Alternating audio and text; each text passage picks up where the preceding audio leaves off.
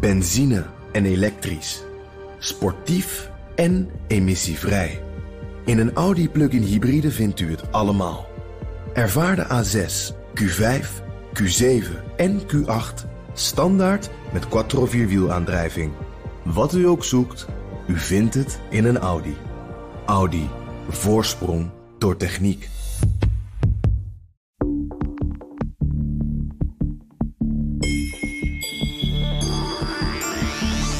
Weekend keek ik de live-action versie van Mulan. Net zoals toen ik voor het eerst de tekenfilm zag, een magische ervaring. Want of het nou tv, film of de Vogue is, ik zie zelden iemand die op mij lijkt. Gek eigenlijk, dat ik me nu pas, nu ik de paar Hollywoodfilms met wel een Aziatische cast heb verslonden, realiseer hoe groot het gemis is. Inmiddels kan zelfs een mierzoete, commerciële Disney-scène tussen Mulan en haar ouders me tot tranen roeren. Verschillende nieuwe omroepen zijn de laatste tijd in het nieuws geweest omdat ze een plekje op de Nederlandse tv willen krijgen. Denk aan Omroep Zwart en Ongehoord Nederland. Nu doet ook een omroep, zoals ze het zelf zeggen, gericht op Aziatische Nederlanders, een gooi naar een plaats in het omroepbestel. Omroep Pan Asian Connections, kortweg PAK, hoopt voor het einde van het jaar 50.000 leden binnen te halen.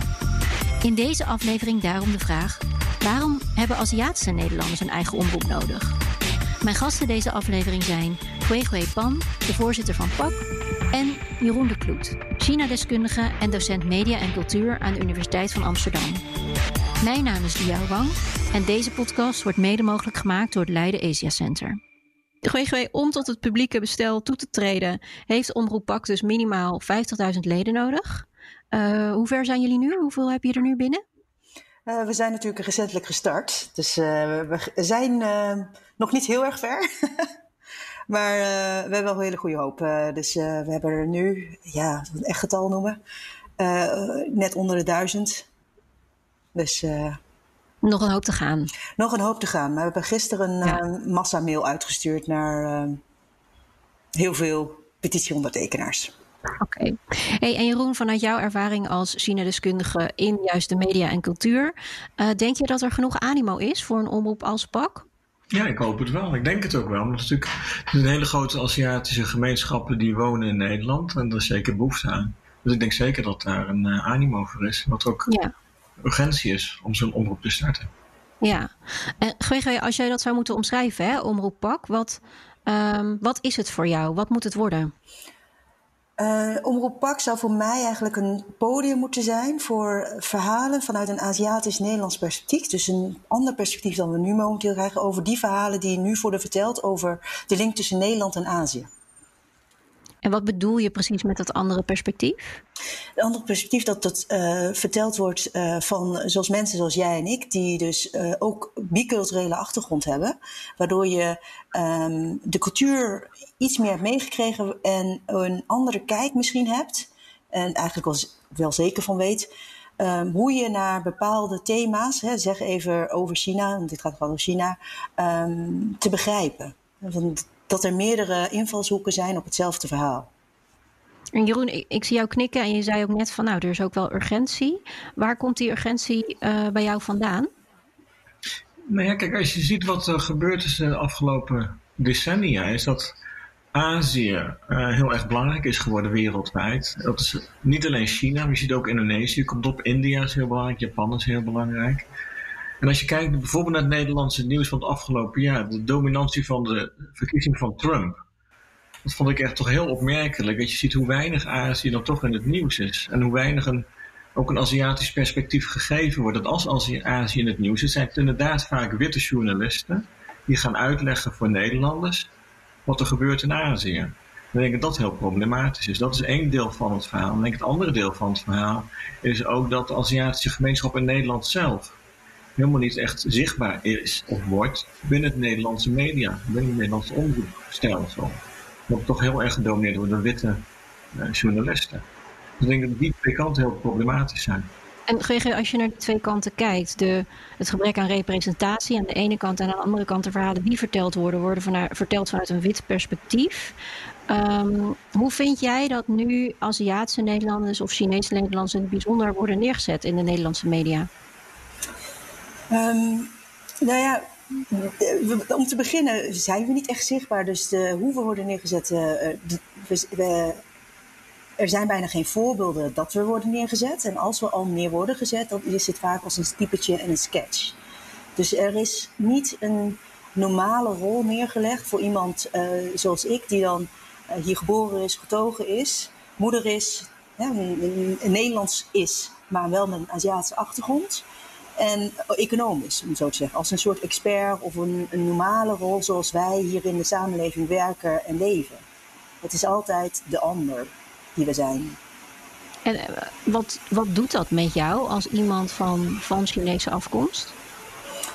Ik vind het heel erg jammer, een soort gemis. Hè? Want wat belangrijk is in, uh, ik heb drie jonge kinderen, is dat je jezelf terugziet op beeld. Je doet wat je ziet in een bepaald opzicht. En je moet je ziel zelf kunnen herkennen ergens in om ergens in te kunnen geloven en te dromen. Als je naar Amerikaanse um, representatie kijkt, dan gaat het er vaak over uh, kijken naar een venster en een spiegel hebben waar je jezelf in herkent. Wij kijken naar een venster bedoelen ze dan dat je, iets kunt dromen, dat je iets kunt anders zijn dan wat je kent. En uh, het spiegel hebben dat je er ja, dat het ook voor jou weergelegd is. Je mist de rolmodellen in de Nederlandse samenleving die op je lijken. Denk je dat dat. Denk je dat Aziatische kinderen bijvoorbeeld nu uh, daardoor minder groot durven te dromen dan, dan bijvoorbeeld witte kinderen? Uh, ja, ja. Ik, ik denk dat dat um, je een bepaalde manier gevormd wordt door de media. Media is zo aanwezig en steeds meer.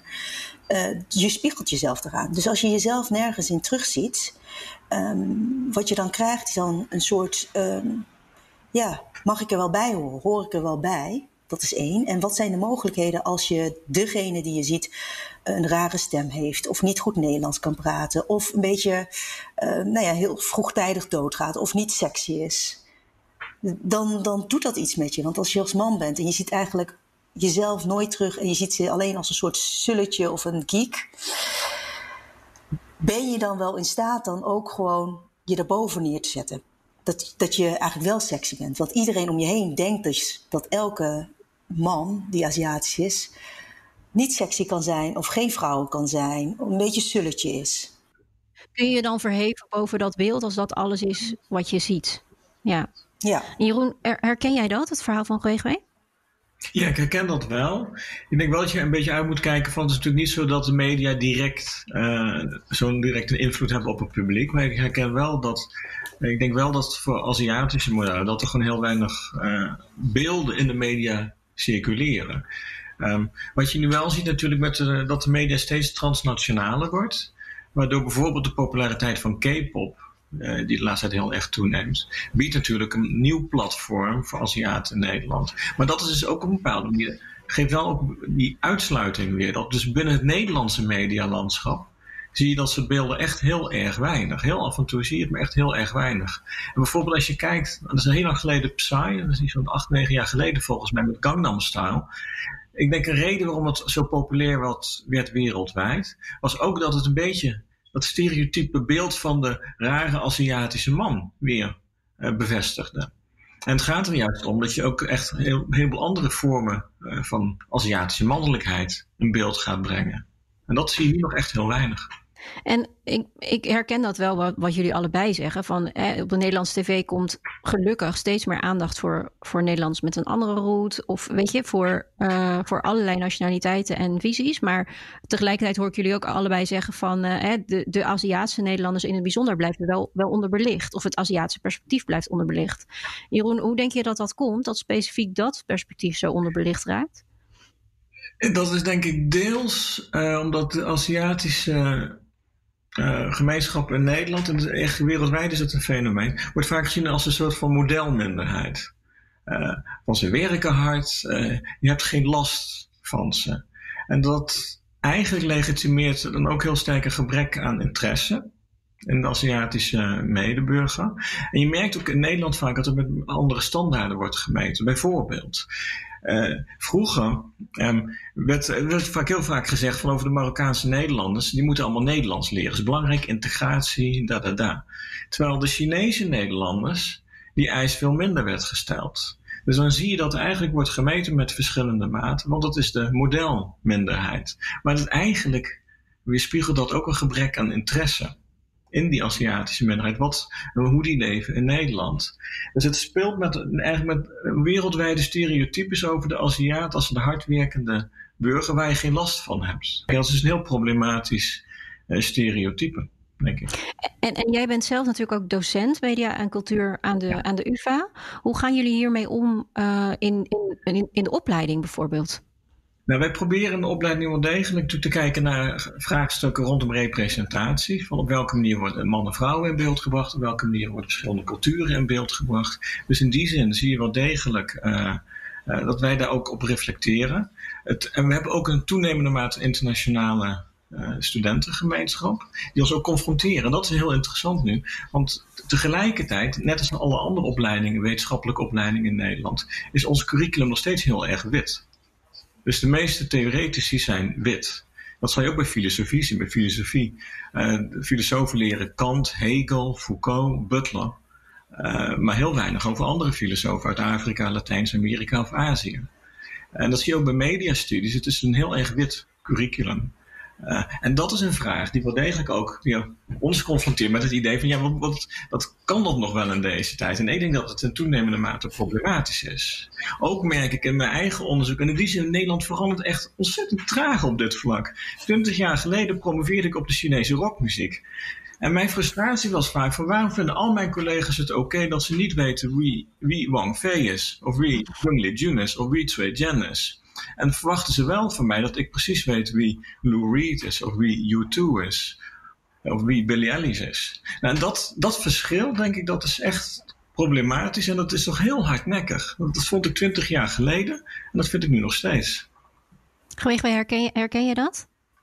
Jazeker. Um, en, en ik, ik, wil er eigenlijk op aanhaken. Want het is natuurlijk, we wonen hier uh, in Europa en onze blik is heel erg westers, om zo te zeggen. We richten ons heel erg op Amerika. Daar komen de theorieën, daar, komen, de, daar worden de meeste boeken geschreven die we volgen, de films die we zien. Terwijl de dynamiek op de wereldpolitiek verandert. Het verschuift ook meer richting Azië. Azië is niet meer het derde wereldland als uh, twintig jaar geleden, waar mensen alleen maar in sweatshops dingen maken. Er gebeurt zoveel. En als we het over filosofie hebben, het zou een verrijking kunnen zijn voor elkaar om uh, de filosofen die we hebben in Azië uh, ook daarvan te leren. Het is een andere blikveld, een andere manier van denken. En het een sluit het ander niet uit. En ik denk dat wat wij graag proberen te doen met uh, Omroep Pak is, is die verrijking opzoeken. Dat je die verbinding kunt maken van wat is het uh, dat wij zien daar, wat interessant zou zijn bijvoorbeeld ook voor hier, om meer van elkaar te kunnen leren en zo dichter bij elkaar te komen. En wat, wat zijn voorbeelden van verhalen of programma's die je dan graag zou willen maken um, met Omroep Pak? Als ik daar lid van word en, en jullie halen de 50.000, wat komt er dan op tv wat er nu nog niet is? Ja, wat ik bijvoorbeeld een heel interessant concept heb, uh, vind, is, um, laat maar zeggen, de magie tussen Nederland en Azië. Laten we het even als format dat noemen. Er zijn zoveel expats die naar Nederland komen en uh, hun weg vinden in Nederland als uh, als Hongkonees, als Singapore, Filipijnen en tot aan India. En tegelijkertijd hebben we een outflux van heel veel Nederlanders die het geluk beproeven ergens in Azië. En uh, die daar uh, ja, nieuwe startups genereren, op zoek zijn naar de nieuwste trends in duurzaamheid. Waarom kiezen zij ervoor om de halve wereld over te gaan, om daar een nieuw leven op te wijzen? En gebeurt dat vice versa? De, mensen beseffen denk ik niet eens hoeveel mensen, uh, hoe meer verbonden we zijn dan, dan men denkt. En, en dus wie, wie hoop je dan dat er gaat kijken? Want ik hoor jou zeggen, aan de ene kant is het heel erg gericht op de Aziatische Nederlander. Maar aan de andere kant hoor ik je ook tussen de regels door zeggen van nou, het is ook wel echt voor de witte Nederlander. Uh, nou ja, ik maak geen onderscheid tussen Aziatische Nederlander en Nederlander. Ik zou zeggen de Nederlander met een interesse in Azië. Dat kunnen Aziatische Nederlanders zijn. Want de meeste Nederlanders met Aziatische roots zullen zich niet definiëren als ik ben Chinees. Die zullen zich eerst definiëren als ik ben Nederlands en ik heb toevallig Aziatische roots. Um, maar ik denk dat het interessant is voor iedereen die een horizon wil verbreden en meer wil leren en zichzelf wil verrijken met andere inzichten. Nou, ik wil graag nog één aanvullend punt. Wat ik, waar denk ik ook zo'n omroep als pak heel erg interessant in kan zijn, is ook een hedendaagse debat. Bijvoorbeeld als je nu kijkt over uh, COVID-19 of het corona, de coronacrisis. Wat ik echt heel opmerkelijk vind, is hoe iedereen zich eigenlijk terugvalt in de nazistaat. En dat Nederland en Nederlandse journalistiek heel erg veel vergelijkingen maakt met Duitsland, met België, met Engeland, met Amerika. En zo'n omroep pak zou dus een hele belangrijke rol kunnen vullen, denk ik. En hoe komt het dat in Azië die aanpak wel werkt? En in Nederland, de journalistiek vind ik echt vrij chockerend. Het komt vaak echt niet verder dan de meest banale clichés. Oh, Aziaten zijn heel dociel, heel volgzaam. Dus dat kan hier nooit, want wij Nederlanders, wij zijn heel rebels. En wij, wij volgen onze overheid niet. Ja, dat is onzin, dat is totale bullshit. Het gaat gewoon echt over instituties die anders werken, regels die anders werken. En andere herinneringen aan de, aan de SARS-crisis. Dus het is een heel mooi complex. En ik zit continu te wachten op wanneer er bij op één bijvoorbeeld, dus een een Koreaanse virusdeskundige in beeld komt. Eventueel alleen maar via Zoom. Om te laten uit te leggen waarom werkt het op deze manier in Korea of in China of in, in Taiwan. Nou, en dat denk ik dat, dat is ook heel belangrijk voor. Daar kan zo'n omroep ook een heel belangrijke rol spelen. En daarmee denk ik dus ook dat die omroep voor heel Nederland belangrijk en relevant is. Want het, je kan gewoon niet om Azië heen. Hetzelfde kijk naar, als je kijkt naar TikTok, als je kijkt naar Huawei. Er zijn gewoon zoveel processen waarmee we al lang verstrengeld zijn met China. Dus enerzijds het hedendaagse, eh, de hedendaagse wereld, en ook ons koloniale verleden natuurlijk met Indonesië. We hebben zoveel connecties al met Azië, dat, dat het iedere Nederlander eigenlijk betreft. Ja. ja, en dat komt misschien ook weer een beetje terug op jouw, jouw twee kanten, hè, Jeroen. Van en de gewone of allerlei uh, vormen van de Aziat op, in de media laten zien. En het Aziatische perspectief op, op hedendaagse uh, issues. Ja, ja. is dat tweede inderdaad ook iets wat je ambieert met, uh, met PAK? Ja, absoluut. Ik sluit me helemaal met Jeroen aan, want dat is denk ik misschien intern bij verschillende Aziatische families is het frustratie dat ze denken van je, je hoeft niet alles opnieuw uh, uit te vinden met COVID-19. Je hoeft het wiel niet uit te vinden. Zoek de best practices op. Kijk even buiten je blikveld.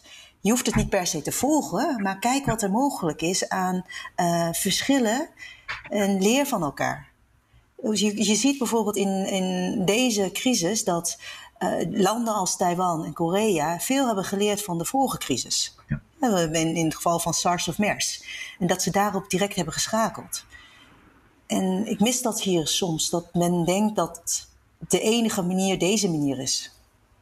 Ja, die rare zelfbeelden van Nederland. Wij zijn zo kritisch en we zijn heel anders. En Aziaten zijn zo anders dan dat wij zijn. Ja, dat is gemakzuchtig. Dat is luiheid. Dat is echt journalistieke luiheid, vind ik dat. Nou, en ik hoorde jou net ook zeggen van, uh, dat je met smartwacht, ik ook overigens, tot er zo iemand bij op één zit. Dus in hoeverre vind jij dat dat in een, in een losse omroep thuis hoort? Of vind jij dat gewoon de bestaande en ook wat grotere omroepen um, uh, daar iets mee zouden doen? Zouden moeten doen? Ja, dan kom ik terug eigenlijk op mijn verhaal van moedeloosheid. Als ik zie hoe, dit, hoe lang deze discussies al spelen in Nederland. En het begon toen met de multiculturele discussies, echt al de jaren 80, 90, kan je terug herleiden.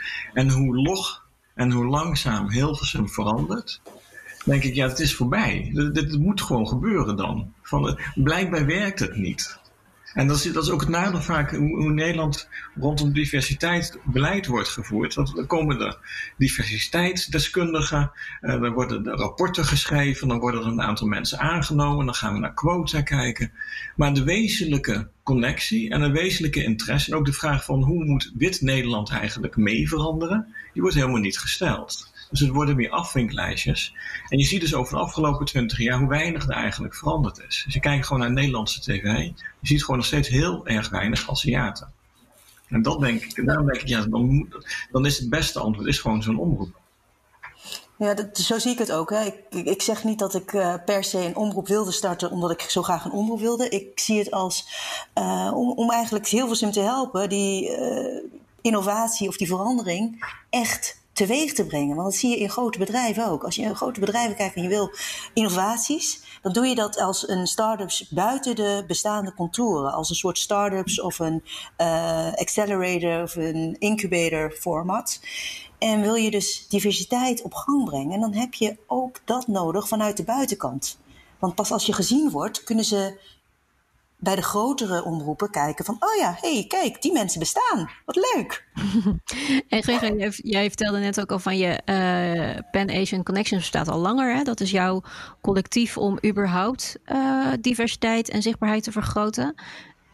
Heb je ook het gevoel, ben je tegen muren aangelopen? Is dat het? Van ik heb het geprobeerd binnen de kaders die bestonden, dat lukte niet, dus nu dit? Ja, absoluut.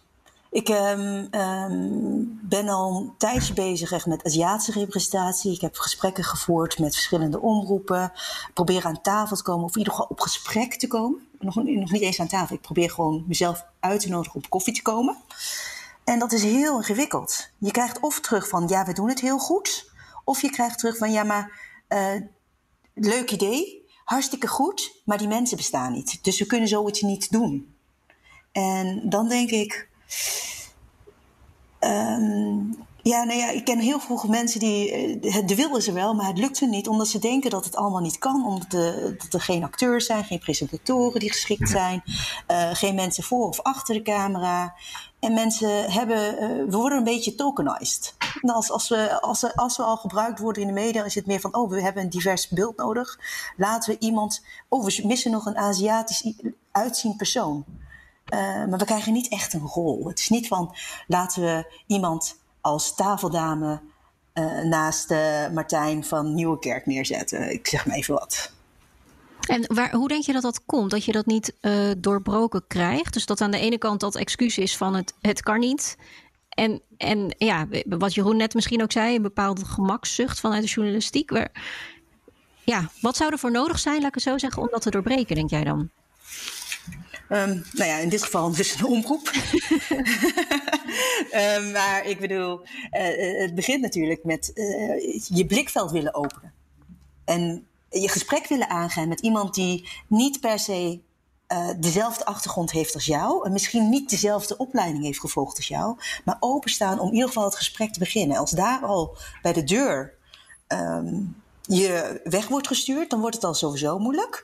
En dan heb je natuurlijk redacties nodig. Je hebt redacties nodig die gekleurd zijn en uh, verschillende perspectieven bij elkaar komen. Als alles uh, dezelfde manier gedaan wordt als de afgelopen 30, 40 jaar gedaan is, um, is het heel moeilijk om dat te veranderen. Dus ik denk serieus, als je inclusie nastreeft en een goede weerspiegeling van de samenleving wil hebben, dan heb je gewoon van buitenaf meer krachten nodig.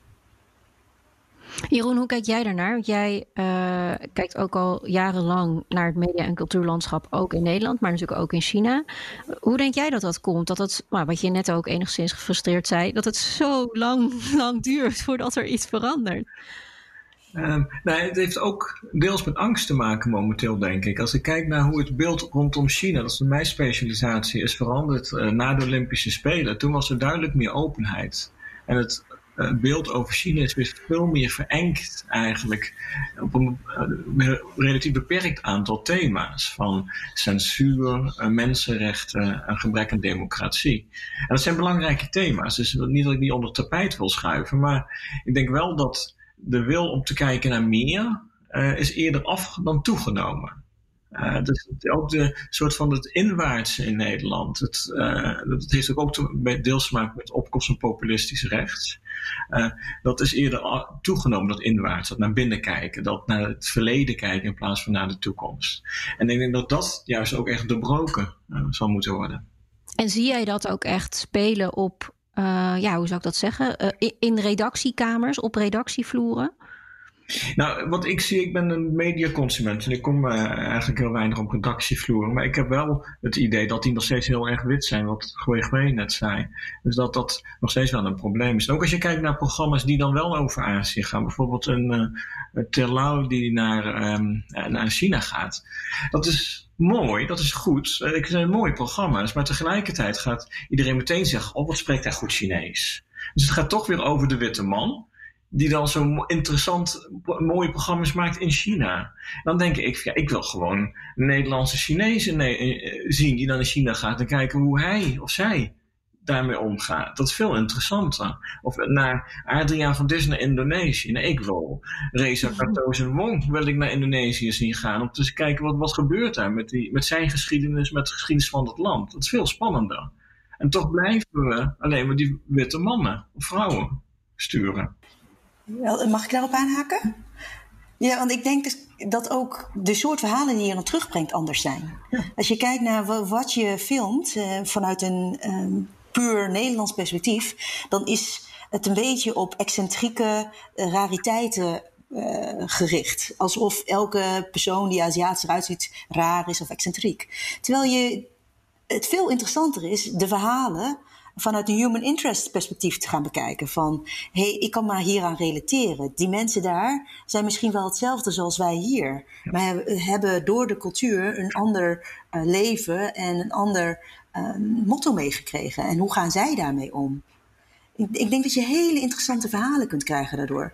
Die uh, wat spannender, die ook spannend kunnen zijn. Je hoeft niet per se alleen op sensatie en populistisch uh, gekkigheid programma's te maken. Hoewel stereotypes, daar, wil ik nog wel een kleine lans voor breken. Soms werken stereotypes wel, denk ik, om aanvankelijk een interesse in een cultuur open te breken. Bijvoorbeeld als ik naar mezelf kijk. Ik ging in 1992 naar China had ik er best wel sterke stereotype ideeën. Maar dat trok mij ook zo aan. Dus ik verwachtte een soort van dictatuur. Uh, ik ging calligrafie leren. Ik wilde een Chinese naam. Ik wilde zo'n rode stempel met mijn Chinese naam. Ik ging tai chi doen in het park. Dus ik had een soort van alle stereotypen overzien. Ik hield heel erg van Zhang Yimou, de films. En met die rode lampion. Dus al die stereotypen die leefde heel erg in mij. En dan kom je daar en dan ga je daadwerkelijk krijg je de Chinese vrienden. Ja, en dan verkruimelt dat natuurlijk. Dan, dan merk je dat het allemaal veel complexer is. En dat het zeggen van China is een dictatuur, dat het te simplistisch is en dat het te plat is. Maar ja. de functie van die stereotype is vaak wel, denk ik, om een soort van aanvankelijke blik te hebben op een, op een andere cultuur, op een ander land, op een andere plek. En vervolgens leidt die jou er naartoe dat je het eigenlijk veel meer gaat compliceren. Dus in die zin vind ik stereotypes best wel interessant, maar niet alleen. En nu zie je vaak dat programma's te veel blijven hangen in stereotypes alleen. En dan, dan slaat het dood. Ja, en dat is precies eigenlijk wat ik wil doorbreken. Want ik ben niet tegen stereotypes of sketches of typetjes. Uh, dat hoort bij gewoon bij wie we zijn. En dat maakt het ook leuk en lichter. Maar ik mis gewoon de andere 99 beelden die je wel over Nederlanders. Als je Joep van het Hek uh, ziet, dan heb je nog wel 99 andere beelden die ook over Nederlanders gaan, die gewoon normaal zijn. En waardoor je dus ook dat kunt. Um, je, kunt je, je kunt dan zelf afwegen wat de waarheid daarover is. Dat zou ik ja. zo graag willen maken. Ja, meer verhalen, denk ik ook. We hebben heel veel behoefte aan meer verhalen. Nou, en, en dat, dat zie je denk ik ook terug nu in de uh, superveel nieuwe omroepen of aspirantomroepen die ontstaan. Hè? Dus Omroep Zwart, Omroep Pak, uh, Omroep Evenus voor, voor meer vrouwen, uh, Ongehoord Nederland voor meer, meer de rechtse kant van het ja, spectrum. Nog eentje. Ja, volgens mij zijn er nog wel meer die je vergeten bent. Jeroen, vind jij dit, dit goed of juist slecht voor het bestel? Nou, ongehoord Nederland, denk ik, hebben we nu nog, uh, nog een omroep voor witte, boze witte mannen nodig. Dat lijkt mij stug. Dus ik eh, hoop van harte dat die het niet gaat halen. Uh, en ja, ik denk dat je voor zwart kan je, omroep zwart kan je hetzelfde argument maken. Ja, ik denk dat dat ook wat GVV zegt. Dat het juist belangrijk is om van buiten, um, buiten het systeem, een soort van verandering door door eh, af te dwingen eigenlijk. En let wel, zo'n omroep pak. Je wordt natuurlijk onderdeel van de publieke Nederlandse publieke omroep. Dus niet dat je daar opeens een eiland krijgt. Nee, dat, dat gaat gewoon geïntegreerd worden in de programmering van 1, 2 of 3. Dus dat, dat wordt een onderdeel dan van de Nederlandse publieke omroep. En dat voegt echt dan iets toe. En ja, ook anderen, ook voor vrouwenomroep, ook voor zwart. Ik denk inmiddels dat het gewoon heel, heel urgent is geworden. En GG, wat maakte dat jij bijvoorbeeld besloot van nou, ik ga mijn eigen omroep pak beginnen. En, en ik, je, had je bijvoorbeeld ook aan kunnen sluiten bij, uh, bij Zwart van oké, we willen meer diversiteit dan Zwart en dat gaan we met z'n allen aanpakken. Ja, een hele terechte vraag. Ik uh, vind een omroep zwart ook heel erg belangrijk. Tegelijkertijd, als je een beetje iets over de mediawet weet, dan weet je ook dat de aspirantenomroep maar een beperkte zendtijd krijgt. Dus de impact die je kunt maken als nieuwe diverse omroep is 0,6% Dus dat is nog niet eens een druppeltje in een oceaan. Dus en ik wil graag in plaats van een druppeltje zou ik graag een, een straaltje verandering willen aanbrengen. of je gewoon een emmertje proberen te, te bewegen of een golfslagje te maken. En ik denk daarvoor heb je gewoon andere geluiden. En de propositie die zwart kiest en die omroep pak kiest is anders. Ja. Dus we voegen ook echt iets aan elkaar toe. En twee keer 0,6% is beter dan één keer 0,6% hoor ik je ook zeggen. Twee keer ja, of tien keer vind ik ook heel goed. Het is nog steeds maar 6% in totaal. een hele mooie vraag vind ik ook, want bijvoorbeeld zo'n beweging als Black Lives Matter is een hele interessante vraag. En ik heb er geen antwoord op, maar de vraag van op welke manier fungeert Azië in zo'n beweging als Black Lives Matter en in de, in discriminatiebeweging, dat is wel een hele belangrijke vraag, denk ik. Ja, maar daar heeft dus beeldvorming een hele sterke rol in gehad. Hè? Als je kijkt naar begin dit jaar, toen uh, Lex uh, Gaathuis dat liedje schreef en publiceerde over voorkomens beter dan Chinezen, hoeveel ophef er eruit kwam. We waren vanaf januari was er beeldvorming over Azië, China. En het was heel erg negatief. Heel erg vreemd. Um, omdat het, omdat, ja, ik weet niet waarom precies. Ehm, maar het betekent wel dat, dat er best wel wat gaan gedaan moet worden. En je ziet dus in Black Lives Matter, dat is een hele sterke movement. Heel erg belangrijk dat iedereen erachter staat. Maar dat betekent dat het niet alleen voor zwart-wit is. Het betekent dat je dus Black Lives Matter is niet zwart-wit. Black Lives Matter betekent dat je eigenlijk alles wat niet geoorloofd zou moeten zijn in een uh, inclusieve samenleving, dat je daarvoor strijdt. En dat is inclusief die verhalen voor Aziatische Nederlanders. En in dat geval vind ik soms de media daarin te kortzichtig. Dat ze ons toch weer vergeten daarin. Want uh, wij staan ook allemaal achter Black Lives Matter. Maar wij vinden ook belangrijk dat je ons niet vergeet. Want we zijn al vergeten. Ja, en je hebt nog een maand om uh, de 50.000 aan te tikken. Uh, en te zorgen dat je dat, dat je dat meer in eigen hand hebt. Dat je niet wordt, -hmm. niet worden vergeten. Wat heb je nog allemaal uh, gepland staan om dit te gaan halen? We, uh, we zijn natuurlijk relatief laat begonnen vergeleken met uh, de andere omroepen. Uh, letterlijk één of twee weken geleden. vanaf volgende week komen er interviewtjes online. En we hebben kleine wervingsvideo's gemaakt. we hebben ehm, van de week bijvoorbeeld een interview gehouden met uh, Kai van Bij. De uh, Japans-Nederlandse schaatser die half Japans is, half Nederlands. En over hem, maar ook waar hij, wat hij belangrijk vindt. En we hebben meer van deze interviews gepland met mensen met uh, Aziatische roots. Om ook te laten zien wat we kunnen gaan maken. Wat, wat voor soort verhalen missen we nou? Wat is interessant? En uh, ook ons meer te laten zien. Hè? Welke mensen zitten hier achter? Dat is één deel van het verhaal. Het andere is, um, ik ben ook de schrijver van die uh, petitie. Uh, dat begin van het jaar circuleren, waar we heel veel handtekeningen voor hebben opgehaald. Dat waren toch 60.000. Meer dan 60.000 zelfs.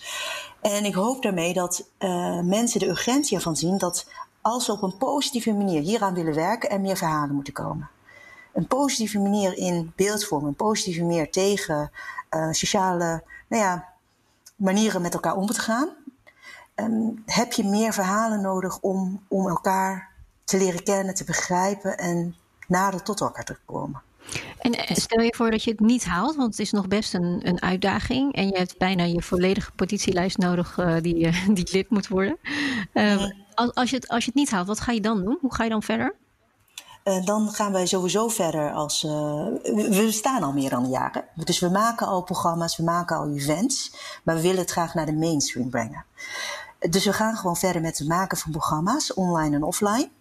En uh, we blijven het, wat we al doen, het verbinden van mensen, blijven we ook doen.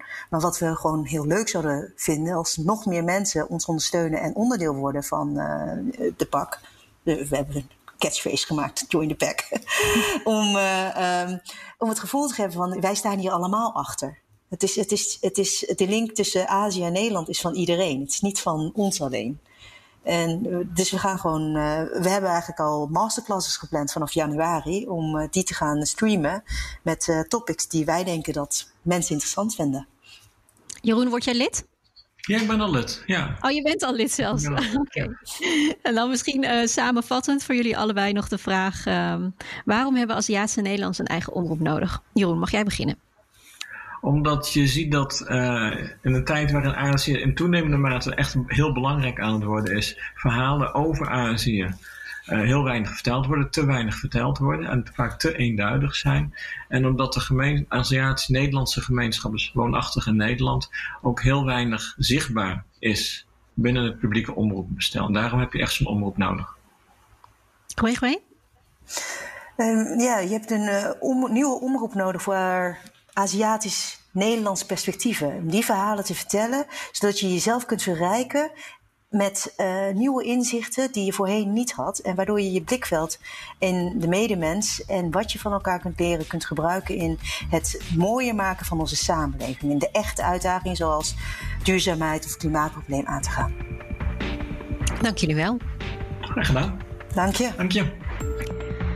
Verbinding en verschillende perspectieven op en vanuit Azië dus. En hopelijk ook wat aantrekkelijke Aziatische mannen als we dan toch bezig zijn. Tot zover deze China-podcast. Dank aan mijn gasten Huigwei Pan en Jeroen de Kloet. Deze podcast wordt mede mogelijk gemaakt door het Leiden Asia Center en is terug te luisteren via bnr.nl slash China-podcast, de BNR-app of je favoriete podcastplatform. Reageren? Dat kan via podcast.bnr.nl.